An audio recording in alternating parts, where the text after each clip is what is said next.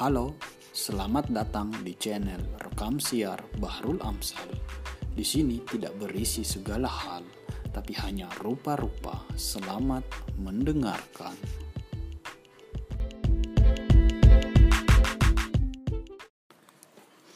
Halo teman-teman Baba Nurum Channel. Nah, ini podcast saya yang uh, sudah keberapa ini ya karena baru sempat bikin lagi. Hampir satu tahun ya teman-teman. Podcast uh, saya ini ha, ya mungkin disebut mati suri. Dan sekarang saya mau bercerita sedikit nih tentang uh, pengalaman saya ya. Dulu saya punya teman ya di beberapa tahun yang lalu. Sebutlah namanya siapa ya? Jayadi ya.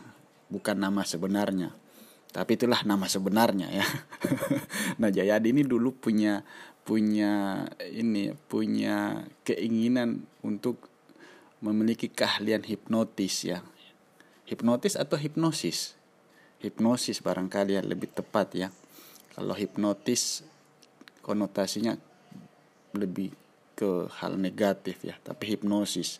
Nah dulu kan e, pernah pernah booming kan itu yang namanya Romi Rafael ya seorang magician yang e, mampu mengubah e, isi pikiran orang melalui kata-kata ya melalui e, apa namanya bahasa yang dia tanamkan ke dalam pikiran orang-orang sehingga apa yang dia perintahkan kepada orang tersebut orang itu ya nurut aja sesuai perintah. Nah, Jayadi ini karena saat itu eh, tertarik dengan itu akhirnya belajar tentang hipnosis. Dia mulai beli-beli buku tentang itu ya, mencari referensi tentang hipnosis sampai-sampai ya dulu kita sebagai suatu komunitas ya suka baca buku-buku sosial, buku filsafat, buku politik seterusnya dan seterusnya nah Jayadi ini karena hipnosis dia menangguhkan dulu bacaan-bacaan seperti itu. Nah,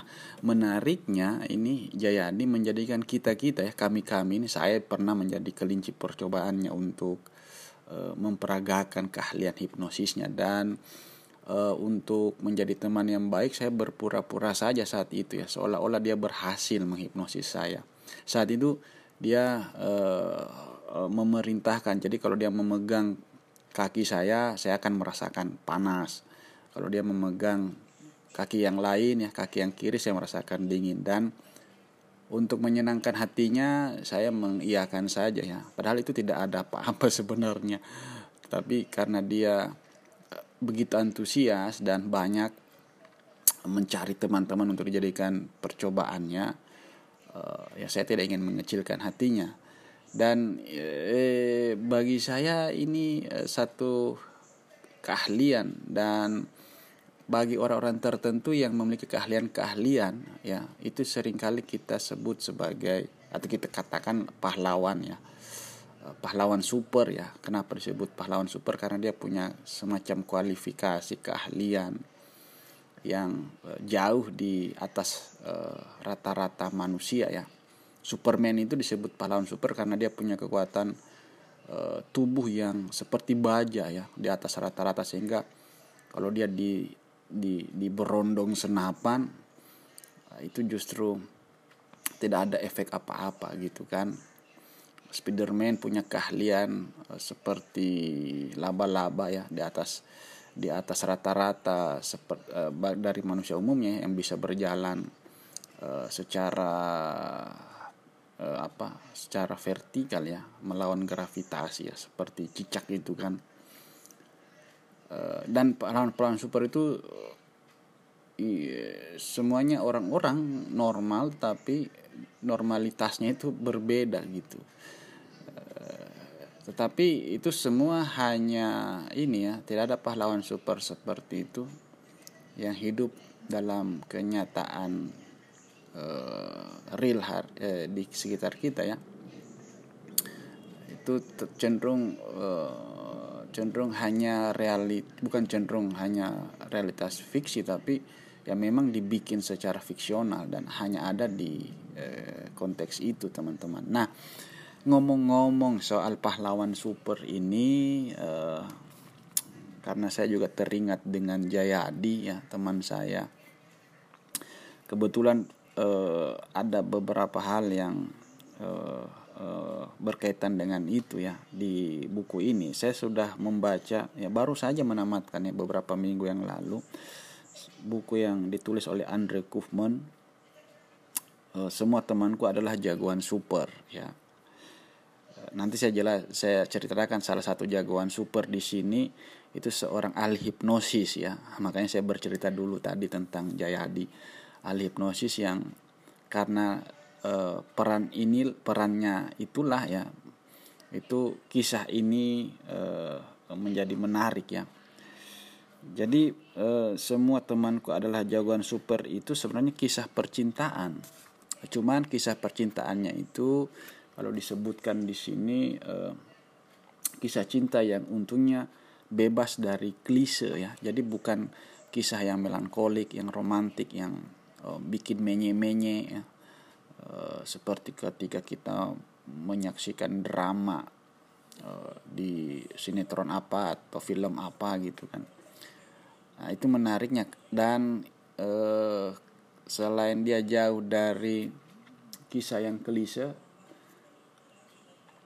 uh, buku ini justru melahirkan ya menyuguhkan cerita yang di satu sisi lucu gitu kan kemudian aneh uh, apalagi ya sedih ya ya romantis tentu ya tapi dalam dalam pengertian yang lain ya.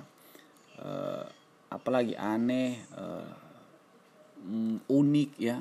Kenapa? Karena ya figur-figur di dalam buku ini itu memang memang di luar dari uh, kebiasaan ya pahlawan super yang dimaksud di sini bukan seperti Superman, Batman atau sejenisnya, Iron Man atau Wonder Woman ya, bukan tapi ya aneh-aneh, unik-unik gitu.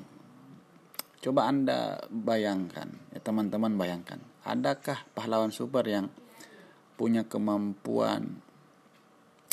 Contoh nih ya ada pahlawan super yang bernama Nanti ya. Ini saking anehnya Nanti ini kekuatan supernya adalah ada pada kata nanti itu. Jadi kalau dia berba me, apa ya ngobrol tiba-tiba obrolan itu tidak pernah terrealisasi karena setiap dia menyatakan sesuatu pasti selalu menggunakan kata nanti misalnya. Misalnya saya mau mengecat kamar mandi nanti. Saya ingin makan nanti. Saya ingin ke pasar nanti. Nah kata nanti ini meng mengembalikan uh, keadaannya bahkan tidak akan mereal tidak membuat pernyataan itu terrealisasi. Nah uniknya ini nanti sebagai suatu sebagai seorang pas apa jagoan super itu tubuhnya akan mengecil. Jadi setiap dia menyatakan ah, misalnya aku mau mandi nanti nah itu tubuhnya mengecil sampai kecil sekecilnya dan hilang gitu. Nah, itu eh, jagoan super ya. Yang unik ya. Ada juga ya tadi hipno ya namanya yang punya keahlian menghipnosis. Kemudian ada perfeksionis. Nah perfeksionis ini pas jagoan super yang punya kelebihan sangat perfeksionis. Makanya dia disebut jagoan super. Dia bisa dia itu uh, sangat uh, ini sangat apa ya? Apa sih?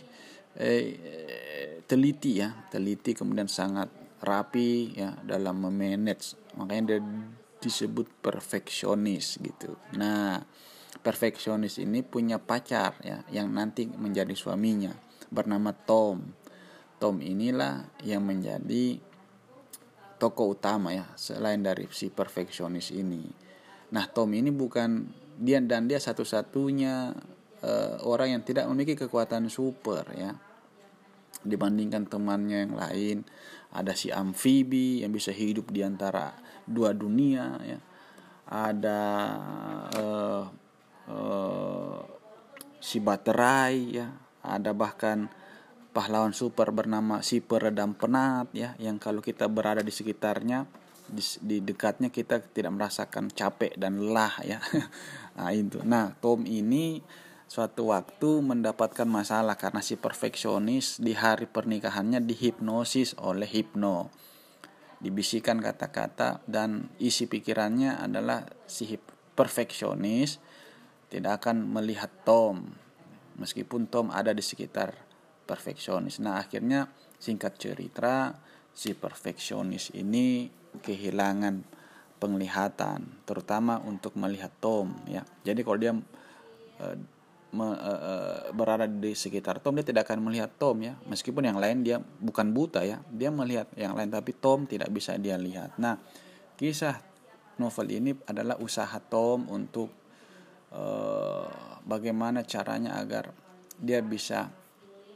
uh, dilihat kembali oleh perfeksionis ya di titik tertentu ini adalah perjuangan Tom untuk uh, meyakinkan si perfeksionis bahwa dia masih ada gitu. Nah ini menariknya karena sering kali kita dianggap tidak ada ya oleh seseorang ya. Meskipun kita ada tapi tidak tidak dianggap ada. Nah Tom kira-kira ada di kondisi seperti itu dan dia tidak punya kekuatan apa-apa ya, tidak seperti pahlawan super yang lainnya dan buku ini uh, uh, tidak terlalu tebal sebenarnya. Tidak sampai uh, 150 ya. Hanya seratusan lebih kurang lebih. Ya 100 pas ya. 100 halaman. Uh, apa katakanlah pesan moral ya. Namanya juga cerita biasa. Ada ada intisari yang bisa kita ambil sebagai sebuah pelajaran. Uh, ya jadi ini kisah percintaan ya. Uh, singkatnya pem, uh, suatu upaya dari Tom ya yang karena dia tidak bisa dilihat akhirnya dia dianggap tiada dan tidak berefek apa-apa uh, bagi istrinya si perfeksionis. Uh, akhirnya dia ingin membuktikan bahwa dia ada ya. Jadi dia sering uh, caranya membuktikan bahwa dia ada itu ya dia pokoknya misalnya dia mengul, mengupa, mengu, mengusap-usap e, kepala istrinya ya tetapi istrinya tidak merasakan itu dan hanya menimbulkan efek bersin ya. Dia cubit dia dia pegang tangannya hanya untuk membuktikan dia ada. Tetapi reaksi-reaksi perfeksionis itu justru tidak seperti yang diharapkan. Nah masalah ini adalah bisa kita sebut apa ya masalah eksistensi ya. Cara seseorang untuk membuktikan dia ini ada dan punya arti bagi seseorang. Nah ini itu itu kisah menariknya ya bahwa per, per, cinta itu ya bagaimana kita memberikan uh, uh, apa memberikan keberadaan kita agar berarti bagi orang yang kita cintai. Nah itu pesan ya mungkin pesannya ya. Tetapi yang yang utama itu uh, adalah bagi saya buku ini uh, oleh Kaufman uh, mengajarkan kita bahwa seperti Tom ya yang tidak memiliki kekuatan super uh, karena itu kita harus mencari di mana letak uh, kekuatan kita sebenarnya.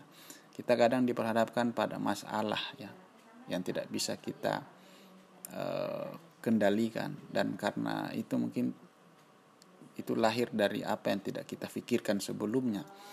Seperti Tom ini diperhadapkan pada masalah dia tidak dilihat ya, tidak dianggap oleh perfeksionis istrinya. Nah, di situasi seperti itu kita uh, harus mencari apa sih kekuatan kita, apa sih uh, keahlian spesial yang uh, kita miliki dan tidak dimiliki oleh orang-orang lain gitu. Dan itu yang harus kita jadikan sebagai modal bahwa kita unik kita punya kekuatan yang mungkin berguna di waktu-waktu kita menghadapi suatu masalah ya bahkan itulah sebenarnya kekuatan super kita. Itulah yang membuat kita spesial ya. Seperti Tom ini. Tom ini satu-satunya orang yang tidak punya kekuatan spesial kekuatan superhero. Tapi di mata teman-temannya yang superhero itu Tom ini spesial karena satu-satunya orang yang tidak punya kekuatan itu adalah Tom. Dan itu sesuatu hal yang luar biasa bagi orang-orang yang punya kekuatan super. Nah, kayak gitu. Jadi kita ini dianggap kalau sering kali tidak dianggap ya, tapi jangan berkecil hati, tidak dianggap punya signifikan apa-apa, tapi semua orang pasti punya kekuatan spesial dalam dirinya. Dan itu tinggal bagaimana kita menggali kita menemukan itu untuk uh, untuk apa ya, ya untuk bermanfaat ya setidak-tidaknya bagi kehidupan di sekitar uh, kita gitu. Nah nah itu sih pesan utama dari uh, buku ini ya uh, apalagi namanya uh, saya kira sampai di sini dulu ya. Buku ini bisa anda cari ya, banyak di toko-toko buku. Tapi tidak ada di Gramedia saya yakin itu tidak ada di Gramedia. Ini pertimbangan lain ya saya kira. Uh, begitu dulu ya teman-teman ya. Uh, ini saya rekomendasikan deh buku ini untuk teman-teman baca. Menarik untuk mengisi waktu luang teman-teman ya tidak sampai dua jam sebenarnya. Mungkin satu jam kalau teman-teman intes membaca sudah bisa selesai gitu. Dan akhirnya ini bisa kalian baca resensi saya di kalaliterasi.com ya.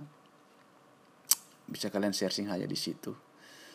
Uh, oke okay, teman-teman. Demikian ya. Sampai jumpa di podcast selanjutnya. Ciao